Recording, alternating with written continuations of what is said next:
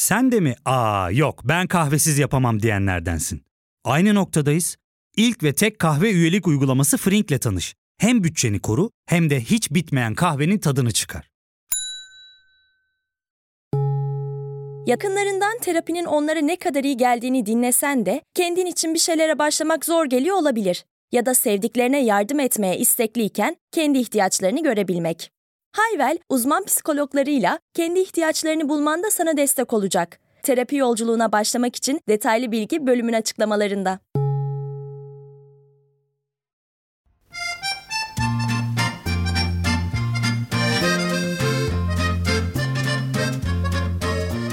Efendim Yalın Alpay ve Gürman Timuran ile durumlara hepiniz hoş geldiniz. Lütfen takip ettiğiniz podcast uygulamasından durumları da takip etmeyi, Spotify'dan takip ediyorsanız da zile basmayı unutmayın diye en başta söyleyeyim. Hoş geldin Yalın nasılsın? Hoş bulduk. Gürman iyiyim, çok iyiyim. Sen? Ben de çok iyiyim. Yalın Alpay ile İstanbul'da olduğumuz aynı anda tutturabildiğimiz nadir anlardan birini Evet. yaşıyoruz. Esasında gene tutturamayacaktık. Dün Ankara'daydım ama akşam geldim. Böylece en azından aynı şehirde olmayı yaşıyoruz. Yarın da gidiyorum. Böyle birbirimize köşe kapmaca oynamaya devam ediyoruz. Ama bir bölümü de birlikte böyle aynı mekanı paylaşarak da mutlaka çekeceğiz yani. Çok Tabii. istiyorum. Hem de senin gül cemalini bir de böyle üç boyutlu olarak göreyim. Sürekli iki de karşımda. ya şimdi geçenlerde bu konuda çok ciddi araştırmalar, makaleler de çıktı. İşte Guardian'da, Washington Post'ta vesaire. O makalelerin de verdiği ilhamla bir kitaba bakmaya başladım. Hari'nin kitabı. Şunun üstüne kitap. Sosyal medya çağında dikkatimizin ve konsantrasyonumuzun düştüğünü kitap çeşitli verilerle açıklıyor. Fakat ben durumun bu kadar vahim olduğunu da bilmiyordum. Microsoft ve Amerika Birleşik Devletleri'ne bağlı Biyoteknoloji Bilgileri Merkezi'nin yaptığı çalışmalara göre insanların ortalama dikkat süresi 12 saniyeden 8 saniyeye düşmüş.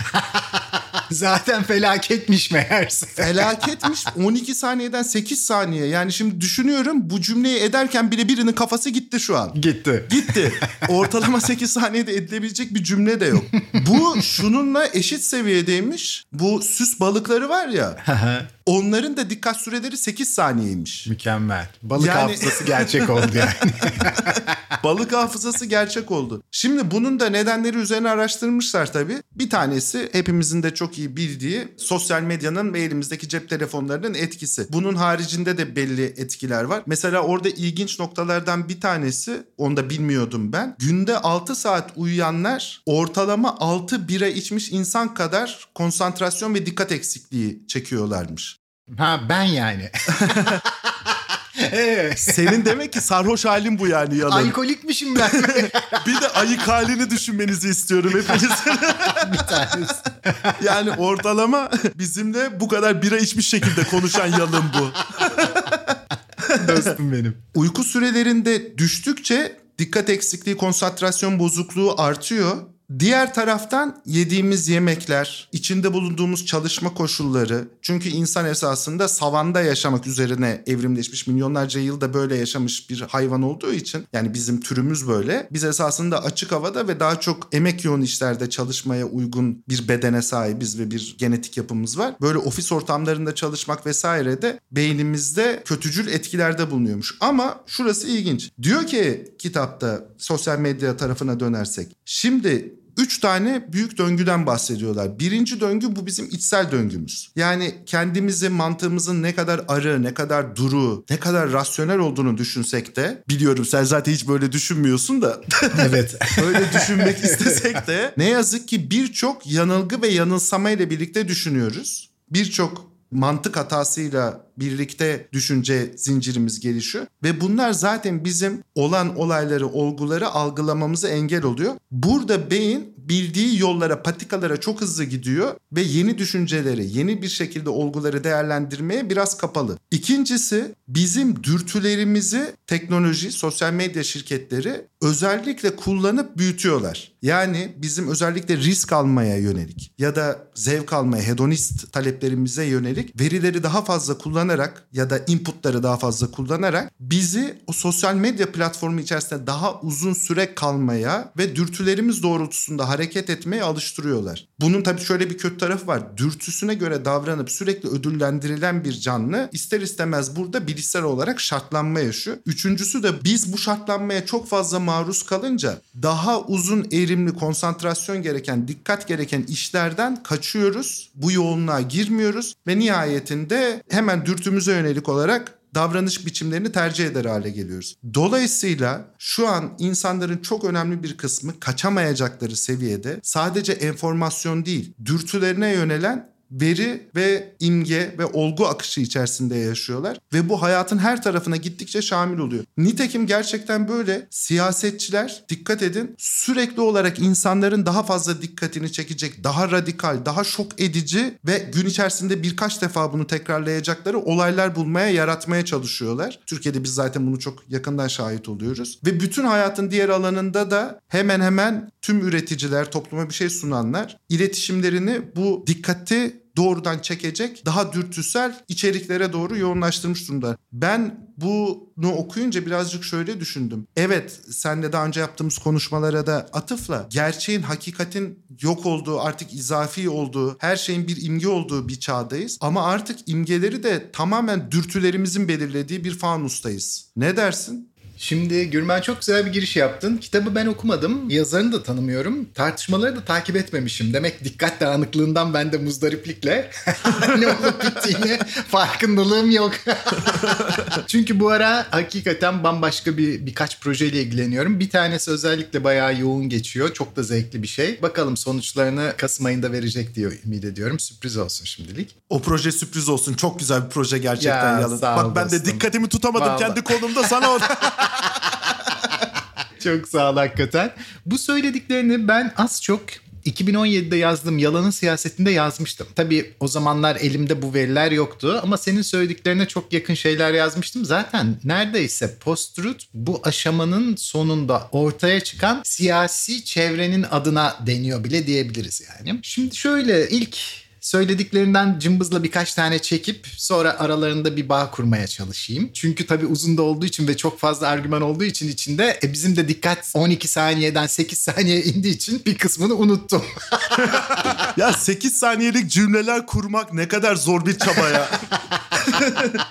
Aklıma öyle bir cümle gelmiyor. Yani normalde de başlayınca uzun konuşan insanlar olduğumuz için. Aynen öyle. evet. Gerçekten çok sıkıştırılmış hissediyorum kendimi şu Aynen an. öyle. Şimdi şöyle bir düşüncem var. Bizim bedenlerimiz daha önce yaptığımız konuşmalarda zihni önceler diye bir argüman ileri sürmüştük. Gerekçelendirmeye çalışmıştık. Beden her zaman tıpkı zihnimiz gibi az emek vereyim, olabildiğince fazla çıktı elde edeyim. Yani kendimi müthiş verimli kullanayım peşinde. Bunda tabii tembellik ana güdü. Tembellik verimliliği arttıran bir durum dolayısıyla. Yani tabii çalışmaya devam edildiği sürece. Arı bir tembellikten bahsetmiyorum yani. Şimdi böyle bir durumda Gürman daha yeni bu konudan da bahsettim bir yerde. Popular Science'da okuduğum geçen yılki bir makale aklıma geldi sen yine konuşurken. Bu makaleye göre zihinlerimiz tabii işte çok yüksek bir kalori harcıyor. Neredeyse vücudumuzun harcadığı kalorinin dörtte biri kadar yani hakikaten yüzde 25'ini harcıyor. Bu yüzden çok fazla bir sarfiyat yaptığından bu makineyi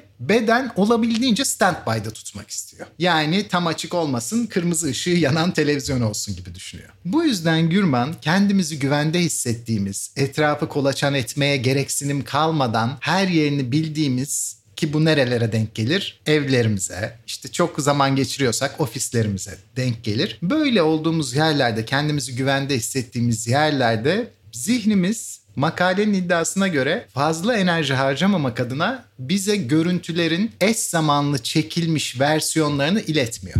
Ve bize birkaç gün önceden tuttuğu görüntüyü, bir ay önceden tuttuğu görüntüyü, iki gün önceden tuttuğu görüntüleri tekrar servis ediyor. Bu yüzden makalenin iddiası şu, diyor ki birazdan dışarı çıkacaksınız. iki saat sonra diyelim ki anahtarınızı aramaya başlıyorsunuz çıkmadan önce. Henüz çok geç kalma riskiniz olmadığı için anahtarı bulmak için yeterince tehdit altında değilsiniz. Bu yüzden zihniniz standby'da. Her tarafa bakmanıza rağmen anahtarı görmüyorsunuz. Stres oranınız vakit daraldıkça artmaya başlıyor. Tekrar tekrar komodine bakıyorsunuz, masanın altına bakıyorsunuz, koltukların arasına bakıyorsunuz. Aklınıza gelebilecek her yere tekrar tekrar, tekrar tekrar bakıyorsunuz. Fakat anahtar hala yok. Belli bir yerden sonra artık bir saatlik bir süreniz kaldığında diyelim ki İstanbul'dasınız. İstanbul trafiğini de düşününce kişi Ben galiba evden çıkamayacağım ve gerekli olan toplantıya gidemeyeceğim. Tehdit altında hissetmeye başlıyor. Şu ana kadar kendisi güven altındaydı. Her yerini bildiği bir yerde saldırıya uğrama ihtimali yoktu. Her şeyin yerini biliyordu. Bir anda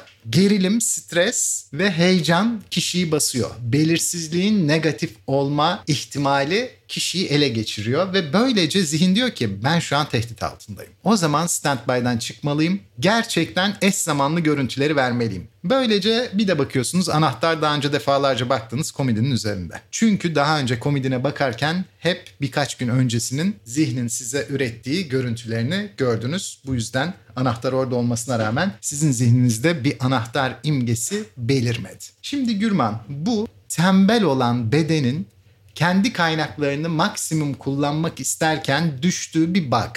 Bu bug ters taraftan da düşülen bir şey. Ne demek istiyorum? Sanal dünyayı açtığımızda sen çok güzel olarak özetledin orayı. Dedin ki ödül merkezimizi hızla uyarabilen sosyal medyada bir şey yazıldığında belki işte beğen tuşuyla, belki geri gelen bir yorumla, belki izlenme sayısının artmasıyla. Ama burada olup biten şey bedenin ve zihnin neredeyse fiziksel olarak hiçbir tehditle karşılaşmadan birkaç klik tuşuna basarak mouse'a basarak, birkaç tuşa basarak ürettiği sıradan fazla emek verilmemiş, üzerinde düşünülmemiş bir şeyi sunup ona ilişkin hızlı bir şekilde bildirim alması ve bu bildirimin sonunda çeşitli mutluluk hormonlarıyla kendisini doldurması. Böyle bir mutluluk hormonu doldurma yöntemi varken bu kadar kolay, basit, verimli ve tasasız, emeksiz beden şöyle diyor. O halde ben burada harika bir fiyat kalite paritesi buldum. O zaman neden başka yerde yatırım yapayım? Neden mutluluğu başka bir yerde arayayım? En hızlı, en kolay, en çabuk ve en emeksiz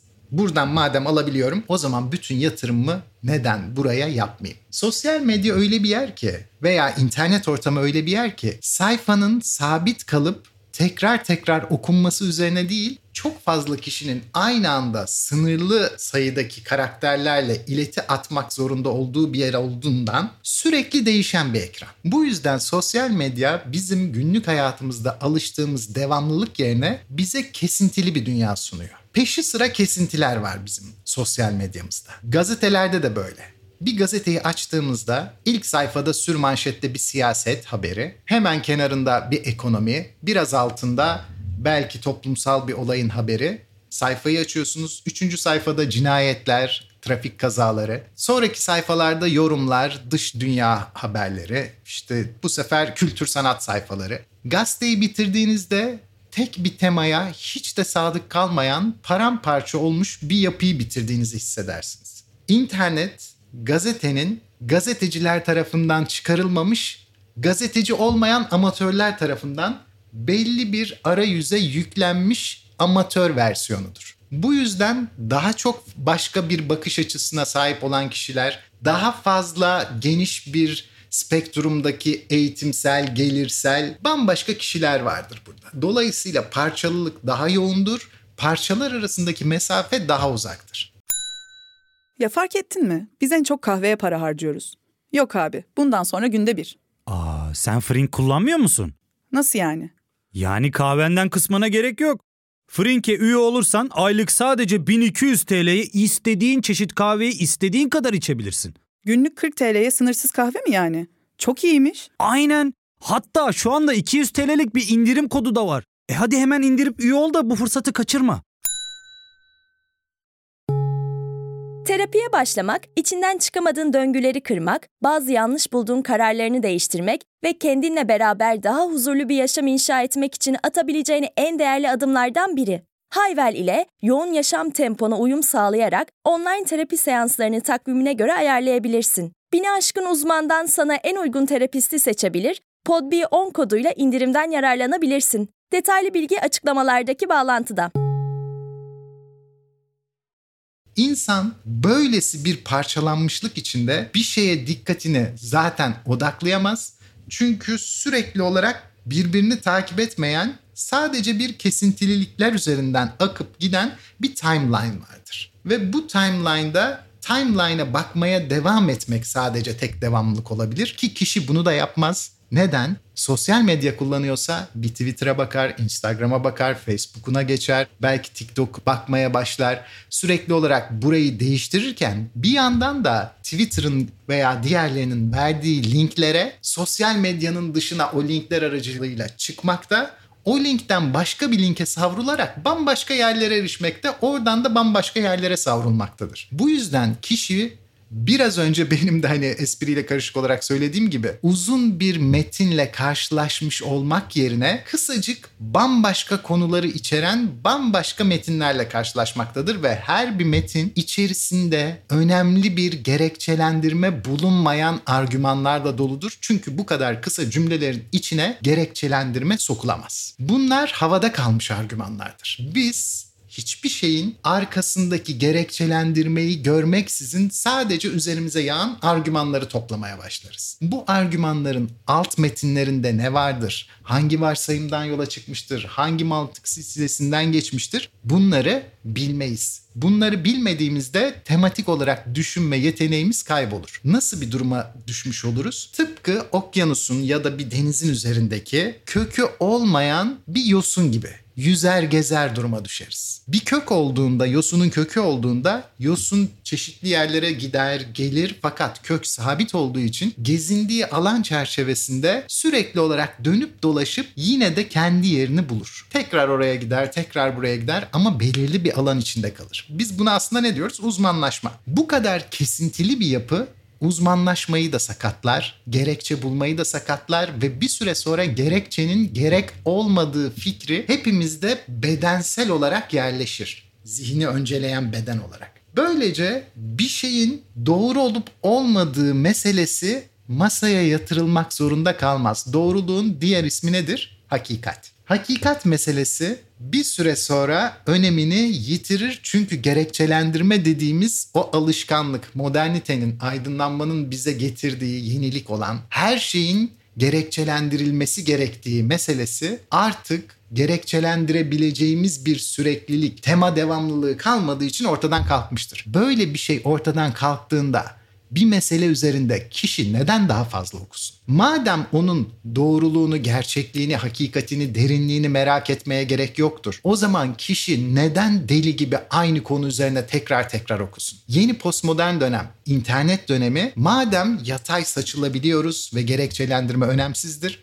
O zaman tek bir konu üzerinde durmak dogmatik bir davranıştır gibi düşünüyor. Ve bu düşünce bilinçli, üretilmiş, arkası gerekçelendirilmiş yani aydınlanma tipi bir düşünce değil. Bu postmodernitenin bizatihi aynı kendisinde olduğu gibi parçalı, kesintili, gerekçelendirmeye gerek olmayan çünkü gerçekliğin zaten bulunamayacak kadar üzerine bambaşka görüşler atıldığından ona ilişkin bir arkeolojik kazının artık mümkün olamayacağı bilinç dışı düşünceyle eşleşir. Bu yüzden Gürman dikkatimizi hiçbir şeye toplayamayız. Çünkü dikkati bir şeye toplamak artık gereksizdir. Dikkati topladıktan sonra elde edilecek bir mutluluk, bir hormonal patlama bu aydınlanma döneminin aksine bir konunun uzmanı olmakla değil, daldan dala atlamakla mümkündür. Uzmanlık zaten artık çok fazla rafineleştiği için yani her konuda çok aşırı bilgi biriktiğinden her konunun uzmanı dediğimiz şahsiyetler bile o konunun uzmanı değil o konunun alt dallarının kılcallarının uzmanları haline geldiklerinden bütün görünemez hale gelir. Yani o uzmanlık konusunun asıl sapları nelerdir, yaprakları nerelerdir, kökler nerelerdir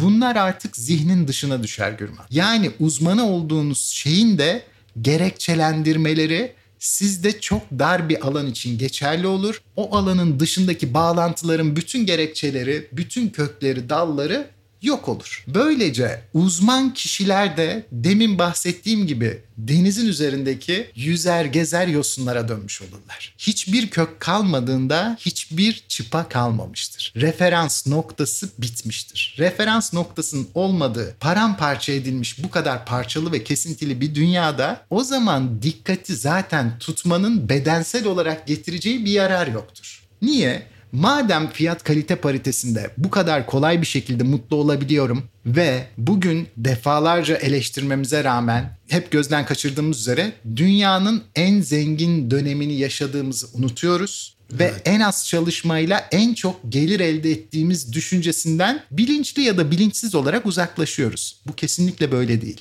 Şu an bir birey yeryüzünde bugüne kadar ortalama bir birey en az çalışma saatini geçirip en az zorluklarla baş edip şimdiye kadarki en yüksek geliri elde etmektedir. Bu yüzden bizlerin boş zamanı, konforu, elde edebildikleri, elde etme hızı, erişim hızı, iletişim hızı, ulaşım hızı inanılmaz bir durumdadır. Bu bize sürekli olarak boş vakit yaratır Gürman. Ve boş vakit bir ödül olduğu kadar bir lanettir. Çünkü boş vakit değerlendirilmediğinde can sıkıntısıyla neticelenen çok güçlü bir tuzaktır. Biz çalışmadan yakamızı sıyırdığımız anda, boş vakite geçtiğimiz anda eğleneceğimizi düşünürüz. Teneffüslerin, hafta sonu tatillerinin, akşam erken işten çıkmanın hep mükemmel sonuçlandığına dair zihnimizde bir ön yargımız vardır. Fakat realite bu değildir. Çoğu tatilimiz berbat geçer. Tatil derken tatile gitme anlamında demiyorum. İşe ara verme tatil anlamında. Bu yüzden bu tatillerin iyi geçmesi için de tematik olarak devam edilecekse riske girilmesi gerekir. Nedir bu risk? Başka bir şey yapmayıp onu yapıyorum. Parasal bir riske girmek gerekir. Bu iş için para harcıyorum. Halbuki parayı başka yerde değerlendirebilirdim. 3. Bu iş için fiziksel bir enerji harcıyorum. Bu yorgunluğun sonunda belki de hiç eğlenmeyeceğim. 4. Psikolojik bir risk alıyorum. Bu hafta sonu da eğlenemezsem tekrar psikolojimi hiç rahatlatmadan işe geri döneceğim. Bu yüzden bu boş vakit laneti garanti edilebilecek fiyat kalite paritesinde düşük, her zaman garantili ve hiçbir fiziksel çaba harcamadan hemen ulaşılabilecek olacak. Psikolojime de iyi gelecek. Nedir bu? Sosyal medyada daha önce benim fikirlerimi hiç düşünmeyen, kabul etmeyen, görmezden gelen bir sürü kitleye bir anda bir bakarım yargı dağıtma hakkım elimde olur. Daha önce yolda bile karşılaştığımda kafamı önüme eğdiğim kişilere şimdi gelip sen böyle yapıyorsun, hatalısın. Sen ne biçim yemek yapmışsın? Sen nasıl kitap yazmışsın? Böyle dizi mi çekilir diye kendi başarısızlığımı bypass edip en başarılı görünen toplumsal bireylere istediğim gibi yargıda bulunmaktayımdır. Kendimi hiç daha önce görmediğim kadar toplumsal hiyerarşinin üstlerinde görürüm. Bu çok kısa sürer ama tekrar tekrar tekrarlanabilecek bir eylemdir. Çünkü maliyetsizdir. Bana psikolojik ve fiziksel maliyeti de yoktur. Bu durum Gürman kişileri giderek fiyat kalite paritesi bağlamındaki mutluluk elde etme becerisi en kolay olan bu işe yani sosyal medyanın tekrar kendisine çeker. Sosyal medya bu kadar verimli fakat kısa süreli etkili olduğu için iş yaparken de artık sürekli olarak mutlu olmak istediğimde hemen bir sosyal medyaya bakarım. Hemen bir ileti atarım. Hemen bir haberlerden göz gezdiririm. Her şeyi ilk ben biliyor olmak isterim. Bir saniye arayla oluyor genelde. Çünkü RT etmenin getirdiği bir iktidar var ya. O birkaç saniyelik alanı kontrol etmeye çalışırım. Geri gelen mesajlardan mutlu olurum. Başkalarını haklı ya da haksız yargıladığımda onlara gelen tepkilerle görünmez olan başarısız kişiliğimi görünür kılmış olurum. Çünkü benim bedenimden ayrılmış bu yazılarım hangi bedene sahip olduğumu bilmeyenler tarafından yargılanacaktır. Bu beden muhteşem bir evde mi yaşıyordur? Bu beden bir başbakan bedeni midir? Ünlü bir modelin bedeni midir? Bu kişi ünlü bir ressam mıdır? Önemli bir akademisyen midir? Bunları bilmeyiz. Ve kişi bilmediği şeyleri idealize ettiğinden bilmediğimiz kişiler tarafından yargılandığımızda o yargılayan kişinin hep de meselenin asıl uzmanı olduğu gibi bir fikir kafamıza dolanır. Böylece onlara tepki veririz. Tepki alındığında bunu diğer taraf işte şimdi görünüyorum olarak algıladığından mesele uzar gider. Ve bu meselenin uzayıp gitmesi her meselenin kısacık bir zaman diliminde daracık bir alanda geçici bir mutluluk adına yapılması bizi tematik bütün bağlardan, sürdürülebilir her şeyden, kısacası aydınlanma geleneğinin getirdiği gerekçelendirme, tutarlılık, mantıklı olma,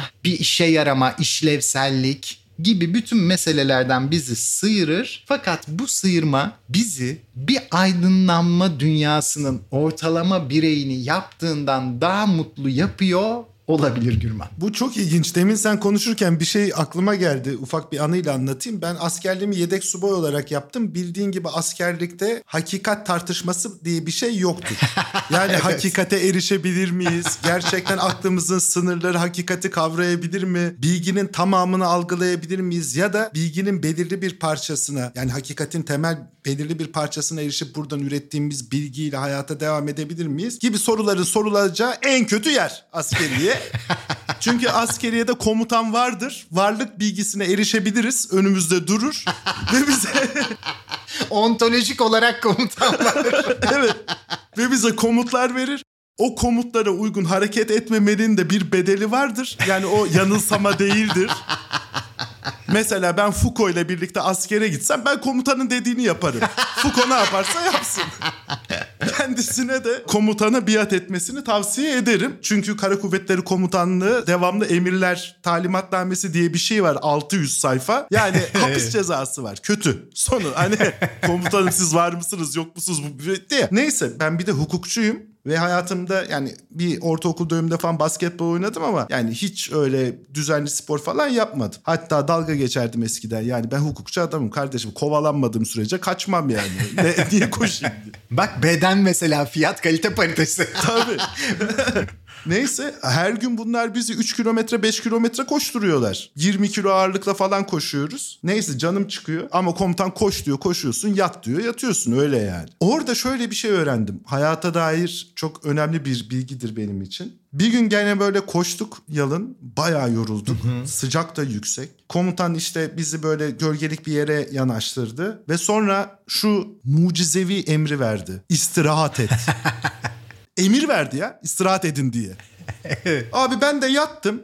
Tam o sırada düşünüyorum tamam mı böyle? Ya ben hayatımda hiç istirahat etmemişim biliyor musun? Gerçekten. Ben Evet, çünkü istirahat ettiğimde boş anımda ya bir şeye bakıyorum ya kitap mı okusam diziye mi baksam işte sosyal medyaya mı baksam interneti mi açsam bilgisayar oyunu mu oynasam ya da sevdiğim başka bir şey mi yapsam hep bir tercihte bulunurken yapmadığım şeylerin de maliyetini üstleniyor. Ve yapılabilecek şeyler kümesi sivil hayatta yaptığın şeyden hep daha fazla olduğu için beynimde dürtüsel olarak beni daha çok zevk alacağım şeylere çekiyor. Halbuki askeriyede istirahat et denildiğinde telefonuna bakamıyorsun. Telefon yok. Kitap okuyamıyorsun. Öyle bir şey yok. Bir sonraki anını düşünmen gerekmiyor. Çünkü bir sonraki an şu olacak. Komutan yeter diyecek ve ayağa kaldıracak. O ana kadar süren var. İstirahat süresi belli. Emri zaten öyle veriyor. Yarım saat süreyle istirahat et diyor. Ve yattım. Kafam bir rahatladı yalın. Hayatın her türlü derdinden tasasından azadeyim. Çünkü bu artık benim değil komutanın derdi.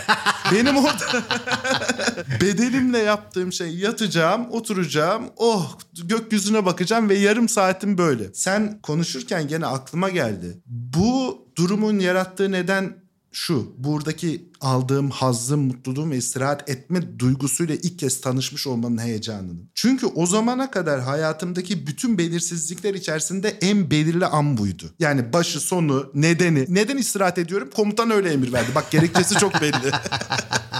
Dolayısıyla hayattan gerekçeleri aldığımız zaman mecburen şu an öyle. Hayatın içerisinden gerekçelendirme nedenini aldığımız zaman ve sosyal medya bize sürekli dürtüsel olarak çünkü gerçekten Twitter'da bir şey ifade etmem mümkün değil. Yani o 200 karakterle hayatta gerekçeli bir şekilde hiçbir şey ifade edemezsin. Bir bilgi veremezsin. Ancak bir dürtü verebilirsin. Öfke verebilirsin, mutluluk verebilirsin, heyecan verebilirsin, sevgi verebilirsin. Aa ne kadar güzel, aa ne tatlı. Kedi fotoğrafları bence o yüzden Kant'ın bütün sözlerinden daha çok paylaşılıyor.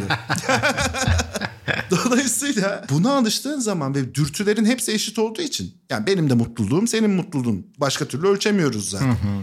Veremeyeceğin için başka bir şey ve o mutlulukta her şey eşitlendiği için artık gerekçeler kaybolunca elimizde boş ve ne yapacağını bilmediğimizde birçok inputun olduğu zaman dilimleri ve bu anlar arasında geçen bir bilinçten başka bir şey kalmıyor. Onun da maliyeti can sıkıntısı tabii. Ve ne yazık ki onun da çözümü sosyal medya oluyor. Senin söylediğin gibi. Bak şöyle bitirelim o zaman. Çok güzel bir yere yere getirip bitirdin. Yani çok güzel ilinti kurmuşsun hakikaten. Husserl'in çok güzel bir sözü var. Daha sonra Sartre da tekrarlayacak bunu. Bir sürü kişi tekrarlayacak.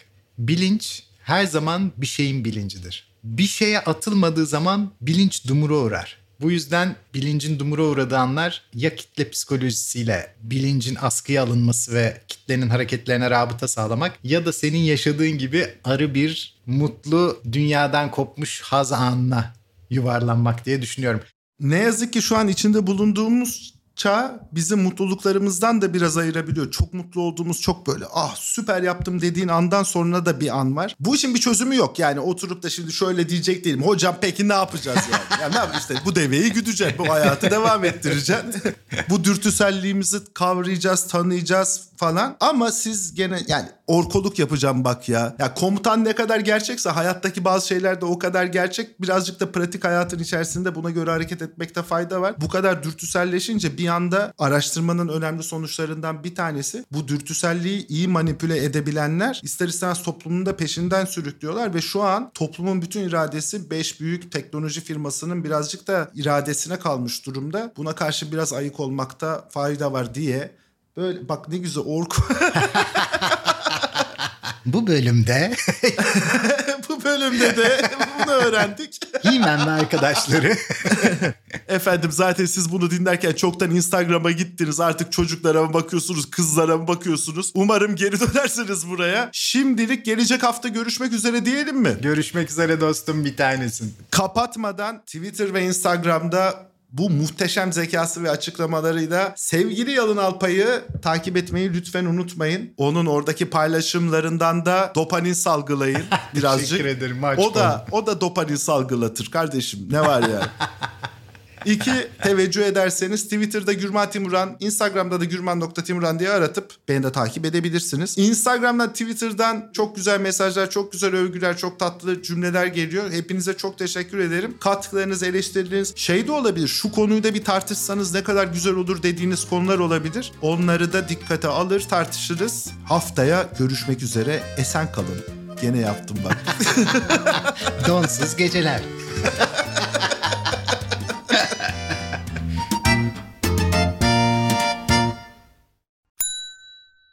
İlk ve tek kahve üyelik uygulaması Frink, 46 ildeki 500'den fazla noktada seni bekliyor. Açıklamadaki kodu girerek sana özel 200 TL'lik indirimden faydalanmayı unutma. Hadi sen de Frink üyeliğini başlat, kahven hiç bitmesin. Hem bugününe hem yarınına katacaklarıyla terapi yolculuğuna ve daha iyi hissetmeye bugün Hayvel ile başla. Açıklamadaki linkten Hayvel'i indir, ücretsiz tanışma görüşmelerinin ardından bütçene uygun seans paketini seç ve terapi yolculuğuna başla.